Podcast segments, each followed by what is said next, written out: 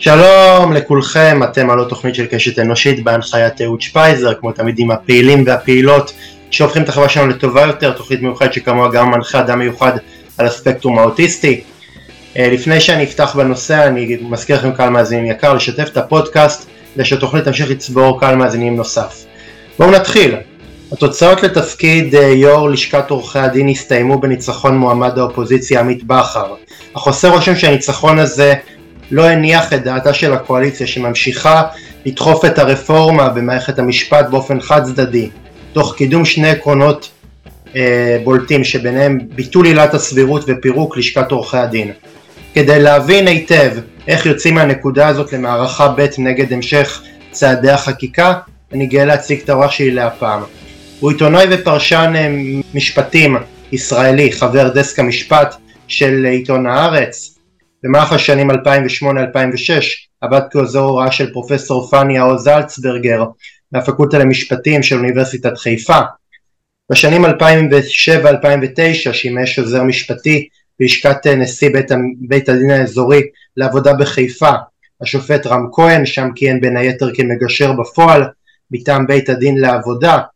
ב-2010 החל את עבודתו ככתב לענייני משפט בגלובס, ב-2012 מונה לפרשן וב-2017 אה, קודם לתפקיד ראש דסק התחקירים בעיתון. בין השנים 2012-2016 הוא, הוא חבר אה, ועד עיתונאי אה, גלובס המשתייך לארגון העיתונאים בישראל. בין היתר שולח את ידו בכתיבת פרוזה וסיפורת ובין היתר ספר שלו זכה בתחרות הסיפור הקצר של הארץ לשנת 2017. האורח שלי הוא חן מענית, שלום חן. מה אהוד, מה נשמע? בסדר גמור, מה שלומך יקירי? הכל טוב.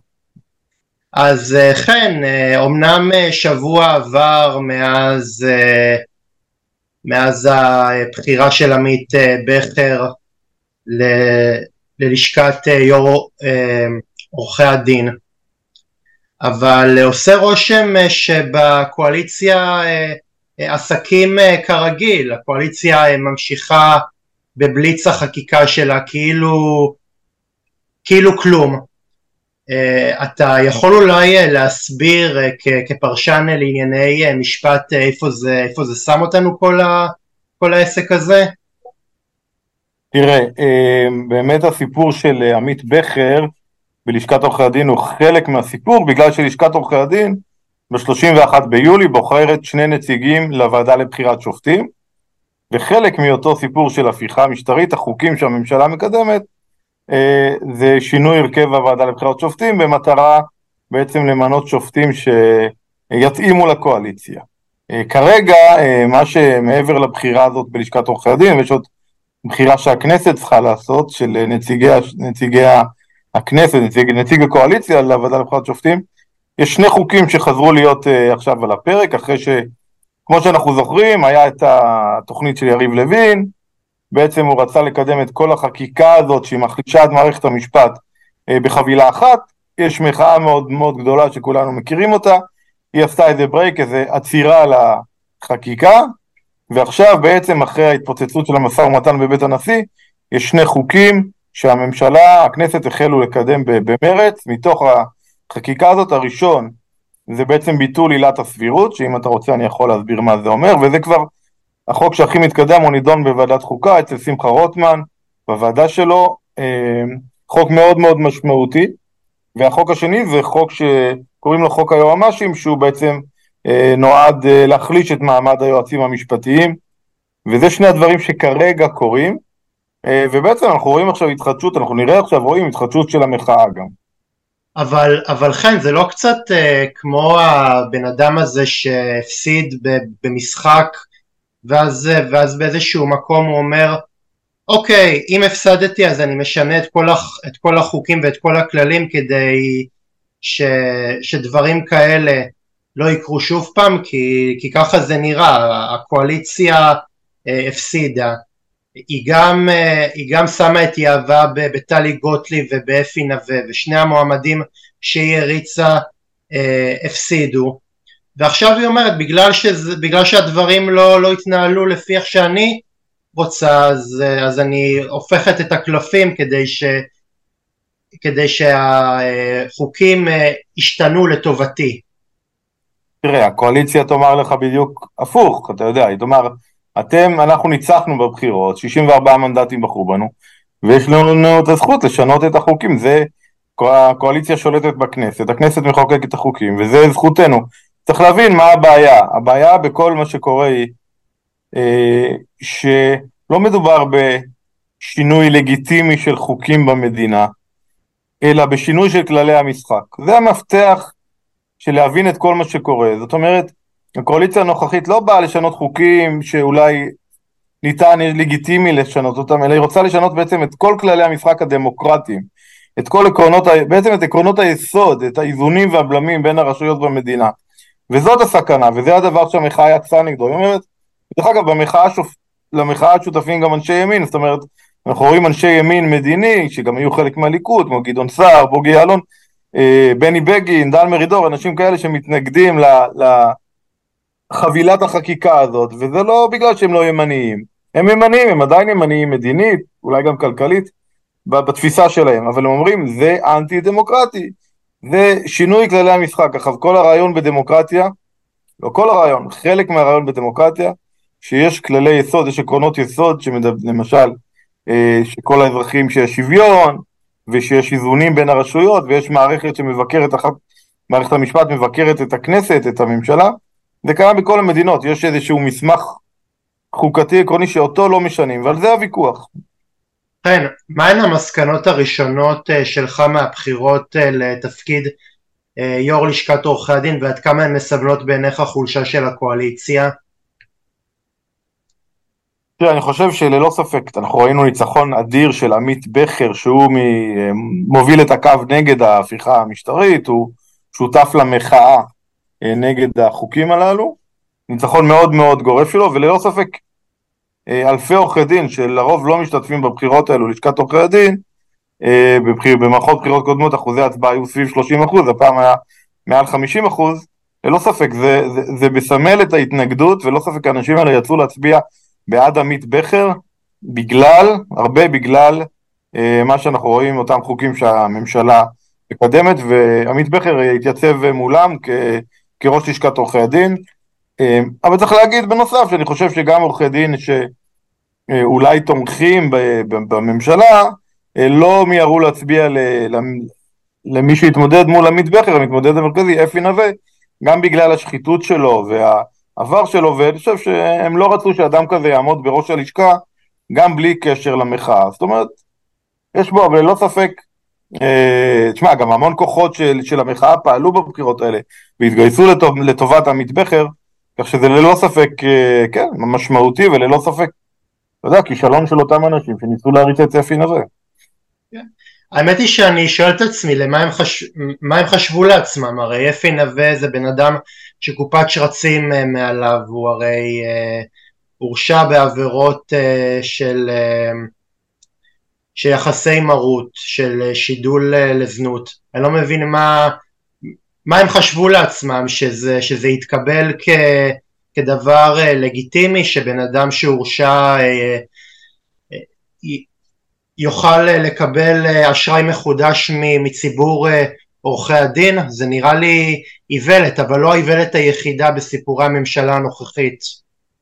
תראה, קודם כל, רק לתקן אותך, בעובדתית, הוא לא הורשע בשידור לזנות או משהו כזה, הוא הורשע בקבלת דבר במרמה, וזה בפרשה דווקא שהוא בעצם עבר את, אה, ביחד עם בת זוגו, הם עברו את הגבול בנתב"ג אה, שלא, שלא באופן, אה, של ללא הצגת דרכונים, בעצם, ובסיפור של הפרשה שקוראים לה מין תמורת מינוי, הוא לא הורשע בגלל כל מיני סיבות, הוא לא עמד לדין בכלל, בגלל כל מיני סיבות, הפרקליטות סגרה את התיק הזה, אבל זה לא משנה, כאילו ציבורית הוא עשה את ה... ברור איך הוא התנהל בתוך uh, הוועדה לבחירת שופטים ומה הייתה ההשפעה שלו. לא הכל צריך להיות פלילי או לא פלילי, וגם הוא הורשע כאמור בקבלת דבר במרמה, ובאמת, שמע, אין לי תשובה. השאלה שאתה שואל, אתה מעלה תהייה שהיא תהייה נכונה. אנחנו, אני, חושב, אני חושב שאפי אה, נווה וגם, אתה יודע, גם, הרי אנשים הלכו גם לבחור בנתניהו, בליכוד, בראשות נתניהו, כשברור שנתניהו, אמנם לא הורשע עדיין, אבל הוא אמר אדם ש... יש מואשם בעבירות שחיתות חמורות, וכנראה שאת הציבור זה לא כל כך מעניין למרבה הצער, והציבור מסתכל על דברים אחרים, וגם קונה כנראה את, אותה, את אותם טענות נגד הפרקליטות, נגד היועץ המשפטי לממשלה, שהם רודפים כביכול את האנשים. וההסתה הזאת והשיסוי הזה נגד, נגד הפרקליטות, נגד היועץ המשפטי לממשלה, כנראה מצליח. כן, מה הסיכוי של הרפורמה לעבור כשלמעשה עכשיו קארין אלהרר נבחרה לחברת הוועד אה, לבחירת שופטים ושעמית בכר נבחר ליו"ר לשכת עורכי הדין? תראה, מה שאתה מכנה הרפורמה, אני קורא לזה הפיכה משפטית או משטרית, לא משנה.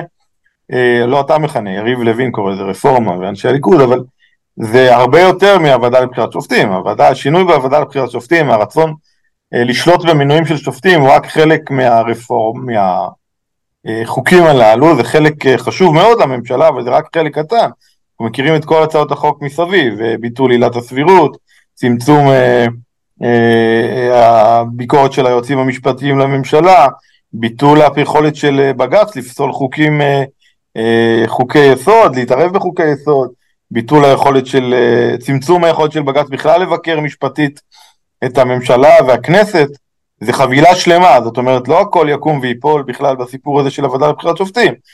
לגבי מינוי השופטים, שזה באמת רכיב מאותה אה, הפיכה משטרית, אה, שאנחנו מכנים הפיכה משטרית, אה, יכול להיות ש... זאת אומרת, כרגע ללא ספק זה שיש נציגת אופוזיציה בוועדה, ושעמית בכר הוא יו"ר לשכת עורכי הדין, והמועצה של הלשכה תשלח אה, שני נציגים, שני עורכי דין, שהם לא אנשי ליכוד או משהו כזה, אה, זה ללא ספק יקשה על יריב לוין ועל נתניהו, או כל מי שמעוניין בכך, שמחה רוטמן, לשנות את ה... לשלוט במינוי השופטים, אבל זה גם עלול לגרום לתופעה, לדבר, להגביר את המוטיבציה שלהם לשנות את הרכב הוועדה כדי להוציא את חברי לשכת עורכי הדין, או למנוע מנציגת אופוזיציה להיות בוועדה, דווקא בגלל שהוועדה, ויריב לוין, דרך אגב, הוא שר המשפטים, הוא יו"ר הוועדה, הוא יכול פשוט לא לכנס את הוועדה, זאת אומרת, לא משנה מה הרכב הוועדה כרגע, אם הרכב הוועדה לא מוצא חן בעיניו, יש לו את הסמכות בעצם, אמנם יהיה לזה הרבה התנגדויות ועתירות לבג"ץ וכולי, אבל הוא, לא, הוא יכול פשוט לא לכנס את הוועדה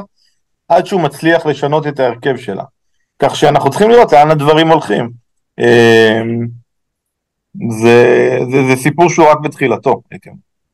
אתה יודע, חן, הרבה מאוד אנשים אה, חוששים אה, שעכשיו הממשלה, מה, ש, מה שהיא מנסה לעשות בעצם זה לעבור אה, מבליץ חקיקה אנטי דמוקרטית לשיטת הסלאמי, כמו בהונגריה ו, ופולין, שחוקים אנטי דמוקרטיים עוברים בחשאי, וכל יום בן אדם מאבד, האזרחים במדינת ישראל מאבדים את חירויותם הדמוקרטיות.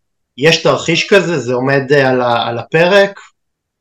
כן, זה מה שבעצם קורה עכשיו, זאת אומרת, אה, חוקים לא יכולים לעבור בחשאי, כי הם צריכים להתפרסם ולעבור בכנסת בקריאה ראשונה, שנייה, שלישית, טרומית, וצריכים גם לעבור בוועדת חוקה, זה לא בחשאי, אבל בהתחלה מה שאנחנו רואים שקורה, בהתחלה הם לקחו את כל החבילה של החוקים, ובעצם יריב לוין ביקש והחלו לקדם אותה באינטנסיביות, ואז הייתה את המחאה שהתגברה, ואז עצרו והלכו לבית הנשיא לדבר, ועכשיו באמת הם מחדשים את זה באמצעות חקיקה, ושוב פעם, אני מדבר על, אה, זה כבר קורה, אה, אפשר לקרוא לזה שיטת הסלאמי, כי כל פעם לוקחים חוק אחר ומקדמים אותו, ורוצים במושב הבא של הכנסת להמשיך לקדם, וכנראה שבמושב הזה הם מקדמים, כבר מקדמים את ביטול עילת הסבירות, שזה דבר מאוד משמעותי, ביטול היכולת של בית המשפט בעצם לבקר על סמך עילה שהיא מאוד חשובה את ההחלטות של הממשלה ושל השרים. והדבר שני זה החלטת היועצים המשפטיים אה, לשרים ולממשלה. כך שזה כבר, זה כבר בעצם מה שקורה, זאת אומרת כבר, בהתחלה רצו להעביר את זה בחבילה אחת ועכשיו כבר מעבירים את זה, אפשר לומר, בשיטת uh, הסלאמי. אז אני, אז אני שואל, כש, כשדברים כאלה עוברים אה, לשיטת הסלאמי, האם יש בכלל אפשרות uh, לעצור את זה? כי יש הרבה מאוד אנשים שעכשיו uh, חוששים uh, מכך שזה מה ש... מתעתד לקרות והשאלה היא איך, איך באמת המחאה אה, תמשיך בעידן של תהליכי סלאמי כפי שאנחנו רואים עכשיו. זה באמת שאלה גדולה, ובאמת אחת הסיבות לסלאמי, שיותר קשה אה, לגייס ציבור מאוד גדול שיצא לרחובות ו, וימחה אה, בשיטה כזאת, שכל פעם היא חוק אחד, ואומרים, אה, זה רק חוק אחד, ואנחנו לא זה, וזה לא כזה חוק דרמטי, וזה אה, בעצם המטרה של השיטה הזאת. אה, וזה באמת מאוד תלוי באיך הציבור, אה, כמה הוא יישאר חזק וכמה יהיה לו אנרגיות ללכת למחאה הזאת, ו, ולא רק הציבור, גם, אתה יודע, גם ה... זאת אומרת חלקים אחרים, למשל, שהביעו התנגדות והשתתפו במחאה, כמובן בעיקר אנשי מילואים, טייסים, שההשפעה שלהם מאוד גדולה, וכמובן שאם הם אומרים אנחנו לא נשרת במדינה לא דמוקרטית, ואם עילת הסבירות תקודם אנחנו לא נשרת, שזה דברים שאנחנו כבר רואים, יש לזה הרבה משמעות, כנ"ל לחץ בינלאומי שמאוד משפיע על הממשלה, ולחץ של כלכל, כלכלנים, ואיך הכלכלה מתנהגת, זה כל הדברים האלה, אה, נתניהו לוקח אותם בחשבון. ו... וכמובן יש גם את המשחק הפוליטי, אתה יודע, יש גורמים בתוך הקואליציה אה, שלא מעוניינים לקדם את החקיקה הזאת אה, בכל הכוח, כמו שיריב לוין רוצה נניח.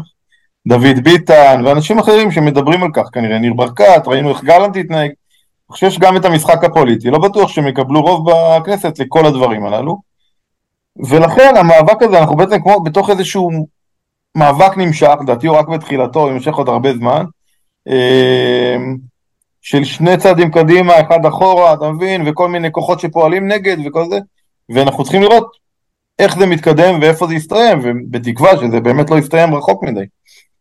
כן, מהן החולשות אה, שעומדות אה, לפתחן אה, של הקואליציה במידה ויהיו כאלה מתוכה שינסו בכל זאת לקדם את הרפורמה?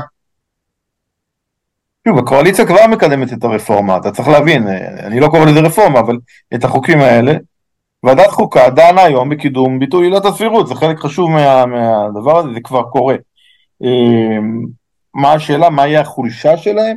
מהי, מהי, מהי החולשה, מהו עקב האכילס של הקואליציה הזאתי שיכולה אה, באיזשהו מקום אה, לעצור את ההפיכה המשטרית מ- מלהתקדם. כן, אני חושב שאם יהיה מספיק אנשים בקואליציה, שיהיה להם את האומץ לקום ולהתייצב נגד הדבר הזה, יש כבר אנשים שעושים את זה, שוב פעם, אה, דוד ביטן אולי מוביל את הקו הזה, ויש עוד אנשים שהביעו הסתייגות, יולי אדלשטיין ואחרים. וגם נתניהו עצמו לא הביע, אני לא רואה את זה איזושהי התלהבות חסרת פשרות לקדם את כל, ה, את כל החוקים הללו. ובסופו של דבר זה ייקבע על סמך אותו, אם לאותם אנשים יהיה אומץ לקום ולהתמרד, וגם כמובן מה נתניהו רוצה. כי נתניהו כל הזמן משחק משחק כזה שאתה לא לגמרי יודע לאן הוא שואף, מה הוא רוצה, זה ברור כמעט לגמרי ש... זאת אומרת, שגם החוקים האלה, הם, לא כולם, חלק כבר כאילו פחות או יותר הולכים ו... לא יודע אם מוותרים עליהם, אבל בטח במושב הכנסת הזה לא מקדמים אותם. אה, ולמשל, אה, את השינוי באמת במינוי שופטים, צריך לראות, צריך לראות כמה אנשים בשורה התחתונה אה, התמרדו מול הרעיונות האלה של יריב לוין ושמחה רוטמן, מתוך הקואליציה, ו- ויהיו אנשים ש... ויש כבר קולות אחרים, ובנוסף צריך לראות איך כל, כל הסביבה, כל מה שקורה, אה, ישפיע על נתניהו וישפיע על הממשלה הזאת, כי אתה יודע, כשיש בעיות ביטחוניות ובעיות כלכליות, ש, שגם נובעות מאותה אה, אותה מערכי חקיקה, ויש יוקר מחיה מטורף, אה, ויש המון סיכונים, אז בשלב מסוים, יש איזשהו מאזן שאם נתניהו אה, יראה שהולכים אליו, הוא יצטרך לעצור. אה, אה, כבר עכשיו אה, בקרב ראשי המחאה יש כאלה שקוראים להחריף את המאבק נגד הממשלה ולנקוט בצעדים עוד יותר חריפים אה, מקודם. איך יוכלו ראשי המחאה לעשות שימוש מושכל במחאה שלהם ולהמשיך אה, לצבור עוד ניצחונות כנגד הקואליציה? תשמע, קודם כל, אתה יודע, אני עיתונאי, אני כתב משפטי, פרשן משפטי, אני לא נותן עצות למחאה, לא, זה לא תפקידי. אני לא, אה, אני תמיד מנסה, אתה יודע, אני לא, אני לא רוצה לתת עצות למחאה איך לנהוג או לא איך לא לנהוג.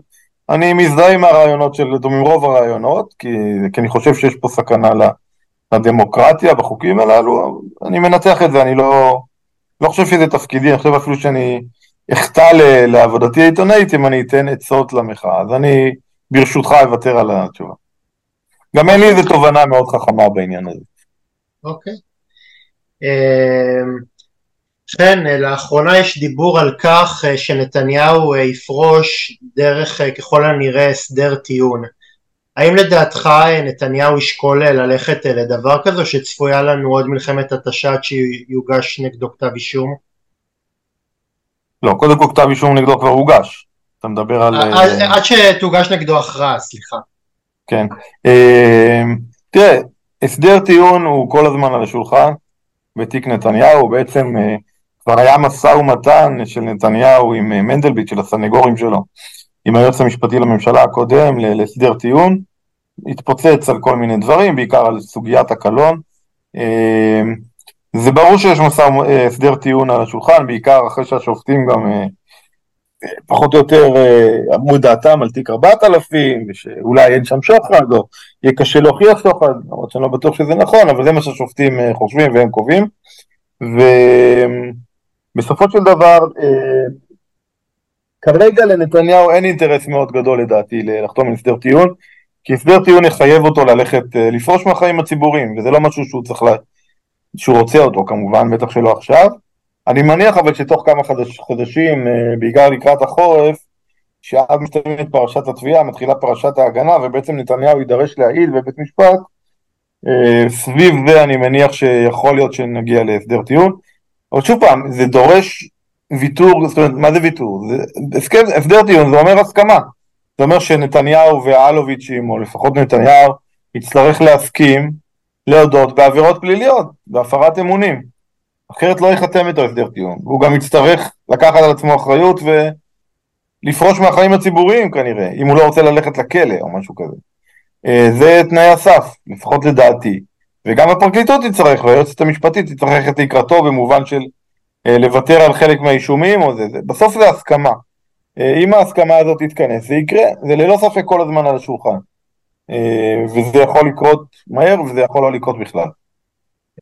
זה נראה כמו, כמו מלחמת התשה שאנחנו לא רואים את, ה, את הסוף שלה ו, ובכל יום שהמשפט הזה נמשך לדעתי אנחנו צוברים יותר ויותר גולים אה, עצמיים, כי לדעתי אה, יש פה מצב שהוא לדעתי אה, מצב ש...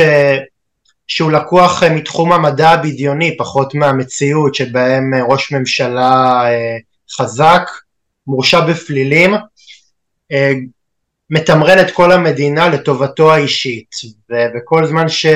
שזה נמשך אנחנו רק יוצאים נפסדים מכך.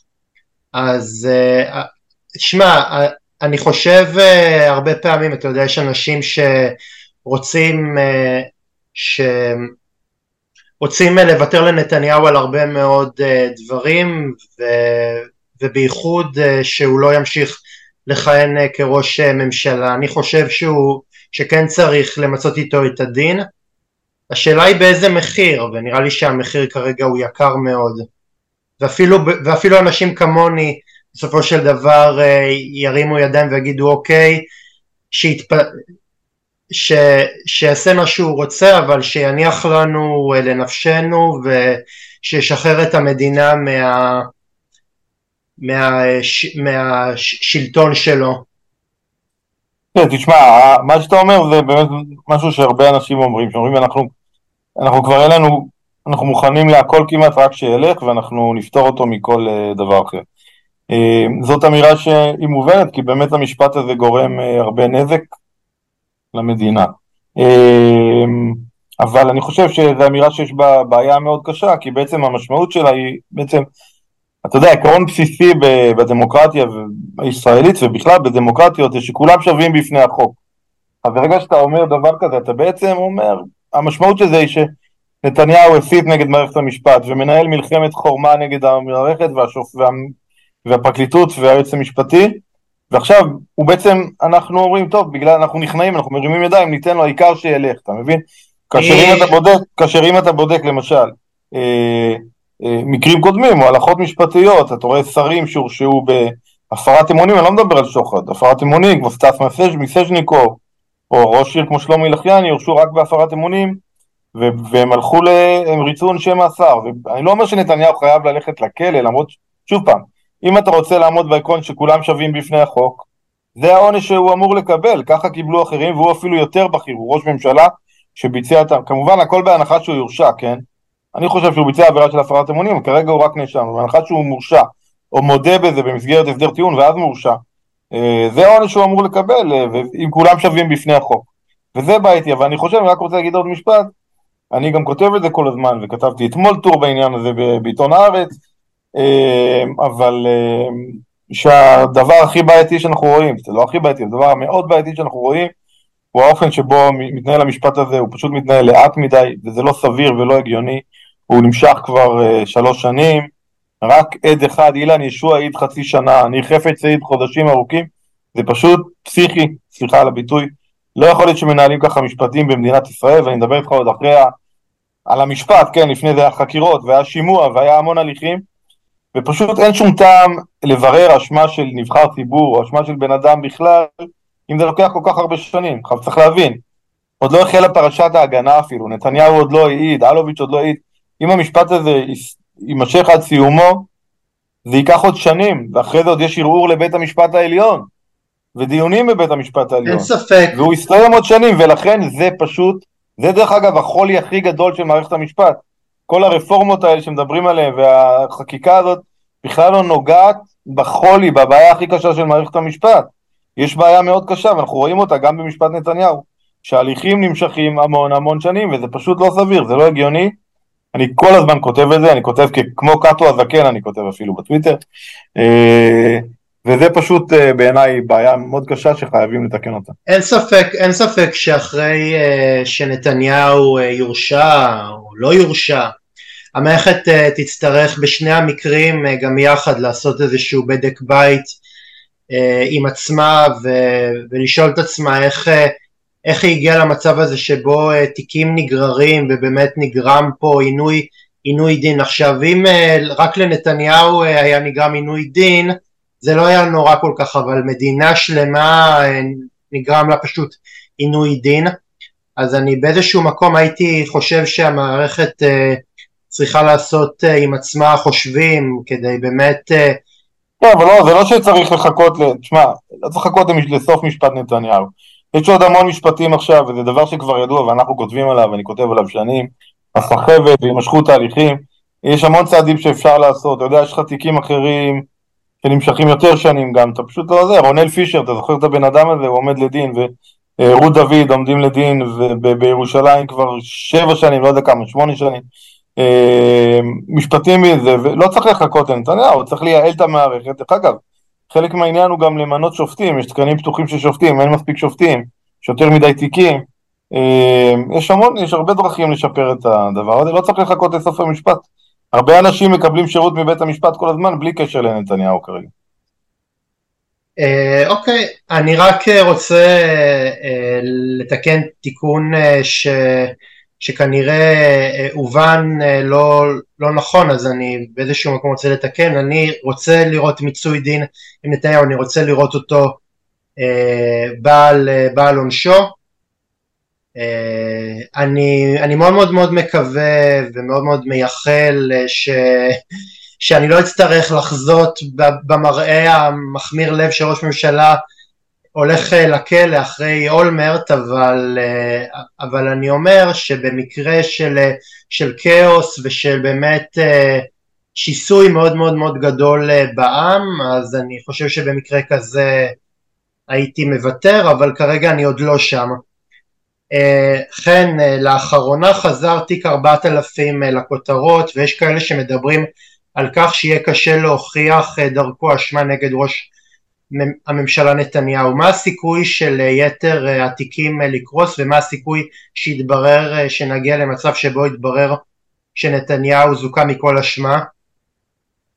לא, אין, אין, בעיניי אין סיכוי כזה, אני אומר את זה תמיד, כאילו מכל אשמה הוא לא יכול להיות מזוכה, כי תיק אלף הוא, הוא תיק מאוד מאוד מוצק, פרוגם, עכשיו ארנון מילצ'ן מעיד בימים אלה בתיק, הדף קליין, העוזרת של מילצ'ן העידה, שמענו עדויות מאוד, אה, ויש ראיות, ואין כמעט ויכוח עובדתי על כך שנתניהו והזוג נתניהו קיבל ממילצ'ן ומפאקר אה, בשווי של אה, עשרות אלפי שקלים לפחות שמפניות וסיגרים, ובזמן הזה נתניהו גם עסק בענייני, בענייניו של מילצ'ן, ובעצם היה בניגוד עניינים חריף, ולכן אני לא חושב שנתניהו יכול, אלא אם, שוב פעם, אלא אם יקרה משהו ו...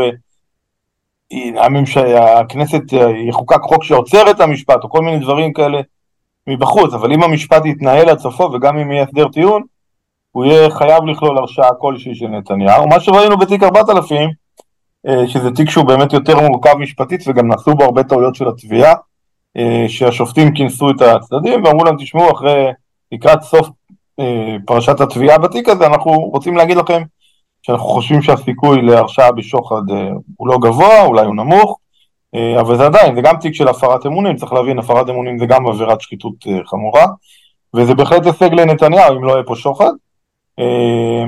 אבל, אבל לשאלתך, אם נסכם, אני לא רואה, התיק כולו לא יקרוס, זה קורה הרבה שתיקים פליליים נגד נבחרי ציבור שהם גם מצוידים בסנגורים מאוד טובים, בהגנה, בהמון אמצעים, בטח נתניהו שהוא גם נחקר כראש ממשלה, אמ, זה אומר שהוא לא, לא נחקר בתנאים קשים, הוא לא היה במעצר, הוא לא, להבדיל מאחרים, אה, נחקר בלשכתו, אז זה ברור שיותר קשה להוכיח, וגם התביעה עשתה טעויות, ולכן תיק 4000 אה, סביר להניח שכבר לא יהיה שוחד, אבל uh, סביר גם להניח שכן יהיה הפרת אמונים ב-4,000 או ב-1,000, אולי גם... כל העסק, כל העסק הזה, כל מה שנתניהו מייצר סביבו, כולל גרירת ישראל לחמש מערכות בחירות, דרך אה, כך שבעת אה, משבר קורונה הוא לא מכנס אה, את, ה, את הכנסת, זה שקורים פה הרבה מאוד דברים שלדעתי מצביעים על כך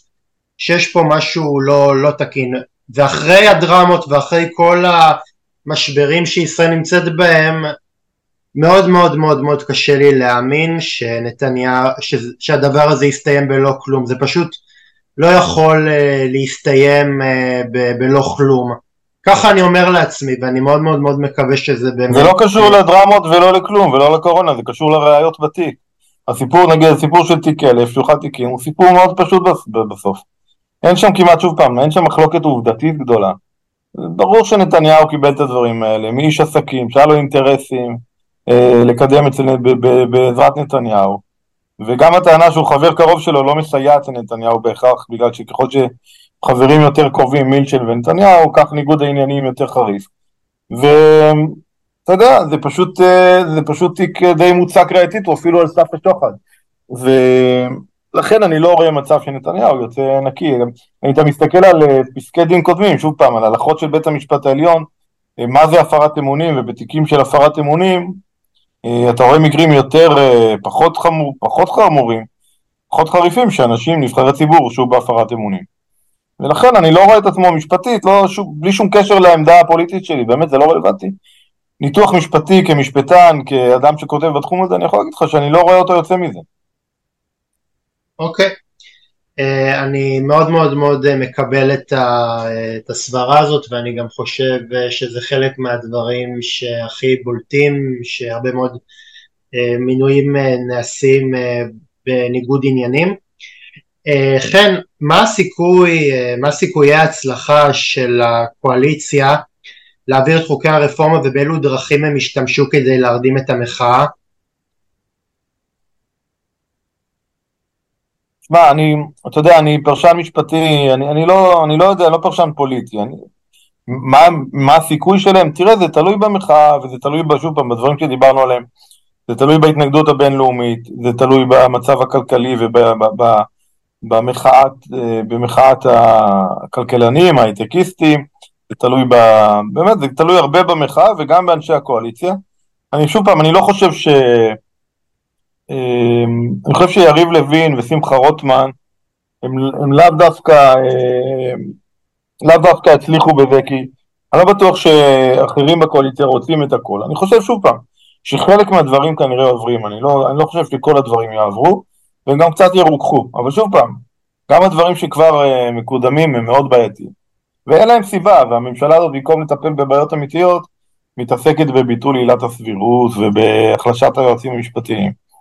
כדי ש... שוב פעם, כדי שלא יהיה עליה ביקורת, זה דבר מאוד עצוב, כשאנחנו נמצאים בעולם שיש פה באמת, יש בישראל בעיות ביטחוניות ובעיות כלכליות מאוד קשות, ו...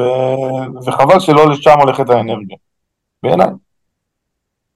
אה, חן, האם אתה מתרשם שהקואליציה אה, תהיה מעטה יותר זהירה בדרכה, או שלדעתך דפוס ההתנהלות שלה, שמתאפיין בשיכרון כוח, בוז ויוהרה, יימשכו? תשמע, אני חושב שהם מבינים כבר, בקואליציה הבינו, ואתה ראית, אתה, אתה ראית, והם גם אומרים את זה, לפעמים זה מהשפה לחוץ, אבל שהם רוצים לקבל הסכמה רחבה לשינויים החוקתיים האלה. ואני חושב שהם יותר זהירים כי הם ראו מה עלול לקרות. אתה יודע, אף אחד, אני לא מאמין ש... לא רוצה להאמין שנתניהו, בסוף נתניהו זה שמוביל את הממשלה הזאת. ובכירים אחרים, ויואב גלנט שראינו איך הוא התנהל, ואנשים אחרים, אני לא מאמין שהם רוצים להקריס את המדינה הזאת, להעביר בכל מחיר את, ה, את החוקים האלה, גם במחיר של ניפוץ קריסת הכלכלה וקריסת היחסים הבינלאומיים עם ארה"ב ו... וכולי וכולי, וכל הדברים שאנחנו רואים שבאים כתגובת נגד לחקיקה הזאת. והם גם למדו לקח, אני חושב, אנחנו ראינו גם שהם עצרו בלית ברירה, זה לא שהם עצרו באיזושהי שמחה. לכן אני חושב שהדברים לא היו כמו שהם, אבל שוב פעם, השיטת הסלאמי הזאת, העברה של הדברים לאט לאט היא, היא, היא, גם, היא גם מסוכנת, אפילו יכולה להיות יותר מסוכנת כי היא נעשית לאט וקשה לשמור מחאה במשך, באותה עוצמה במשך הרבה זמן.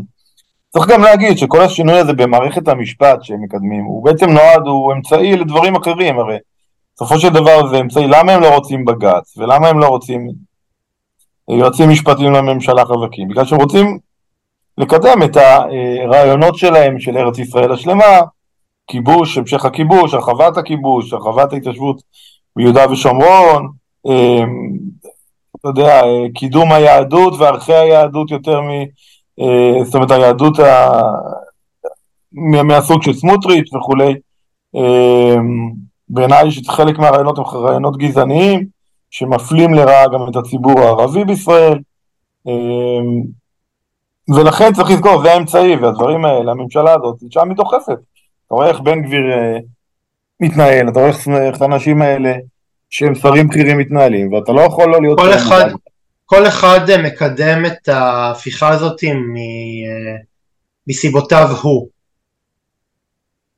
ולדעתי אה, אם, אם זה אריה שרוצה להציל את עורו מפני עניינים שקשורים בשחיתות, בין אם זה נתניהו שגם כן רוצה את זה כדי שבאיזשהו מקום להציל את עורו מפני הרשעה, ו, ו, ובין אם זה יריב לוין ורוטמן שהסיבות שלהם אה, ידועות לכל.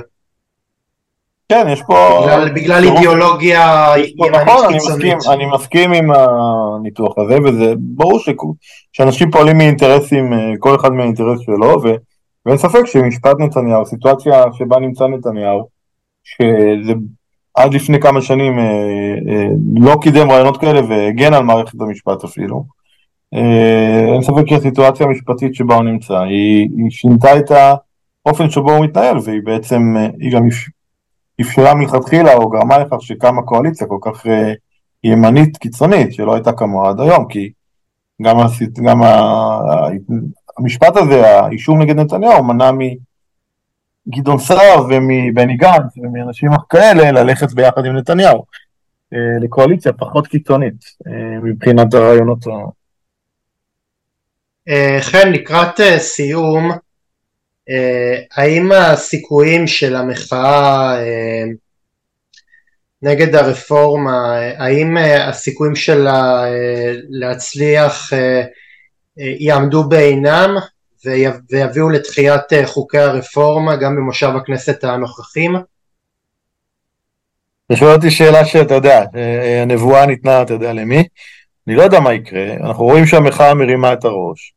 אנחנו רואים גם שהחוקים שמקודמים עכשיו הם לא כל החוקים, זה ברור שבמושב הזה של הכנסת מחוקקים, רק חלק מקודמים, שוב פעם, סיפור החלשת היועמ"שים וסיפור ביטול עילת הסבירות, זה שני הדברים המרכזיים שמקודמים כרגע ולא דברים אחרים. צריך לראות מה יקרה בוועדה לבחירת שופטים. אין לי תשובה חד משמעית, אנחנו נראה כאילו כמובן.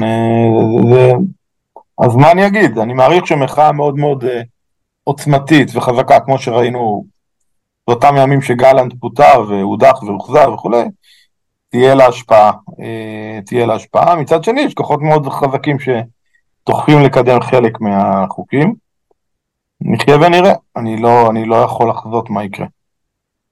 כן, לסיום, האם אתה רואה מצב שבו הרפורמה של אה, לוין נגנזת סופית והשר לוין מניח את המפתחות ומתפטר מתפקיד שר המשפטים? לא רואה את זה קורה בטווח, ה... בטווח הנראה לעין, יש לו תמיכה די גדולה בקואליציה, ללוין, לרעיונות שלו, ואתה יודע, ברמה ציבורית אה, דבר כזה יכול לחבל אה, אה, לנתניהו ויכול לחבל להם בעצם, בציבור שלהם נכנס עליהם. אה, אני לא רואה את זה קורה כרגע, יכול להיות שזה יקרה בהמשך, זאת אומרת, אם לוין אה, לא יתגמש, אני מניח, שנתניהו שבסופו של דבר הוא יצטרך, אה, יצטרך להתגמש, ואם הוא לא יתגמש אז יכול להיות שיהיה פיצוץ בינו לבין נתניהו, אבל אני לא רואה את זה קורה כרגע, כי יש איזושהי, שוב פעם, הסלאמי הזה מקל על לוין להישאר בתפקיד. צריך גם מאוד לראות מה הוא יעשה עם אה, מינוי שופטים באמת, זה גם יהיה מאוד מאוד אה, משמעותי. איך הם יפתרו את זה. במובן מסוים, אני חושב שמה שאני רואה כאן היום זה תמונה מאוד מאוד מצערת שבה אה, במרכז הליכוד יש אנשים שהם נורא נורא אוהבים את הרעיונות של לוין ומאוד מאוד מאוד תומכים בהם וזה לדעתי אה, תמונה מצערת איך מפלגה ימנית וליברלית הם הפכו להיות מפלגה אה, ימנית עם רעיונות מאוד מאוד שמרניים ואנטי דמוקרטיים. נכון, זה ללא ספק, תשמע, ההתנהלות של הליכוד היום לא דומה בכלום להתנהלות של ליכוד בימי אה, מנחם בגין, יצחק שמיר, אתה יודע, שבכלל לא, לא התעסקו, היה להם ביקורת, אתה יודע, על מערכות אחרות, ולפעמים היו קונפליקטים, דרך אגב, גם לרבין ולראשי ממשלה אחרים היו קונפליקטים עם הייעוץ המשפטי ועם אה, בג"ץ, ואפילו מאוד קשים, אבל uh, תמיד כיבדו את שלטון החוק ואת ה, את, את בית המשפט, ואנחנו כבר לא רואים את זה, וזה באמת... Uh, מערער את הדברים, צריך להבין, זה הדבר הכי חשוב להבין אותו.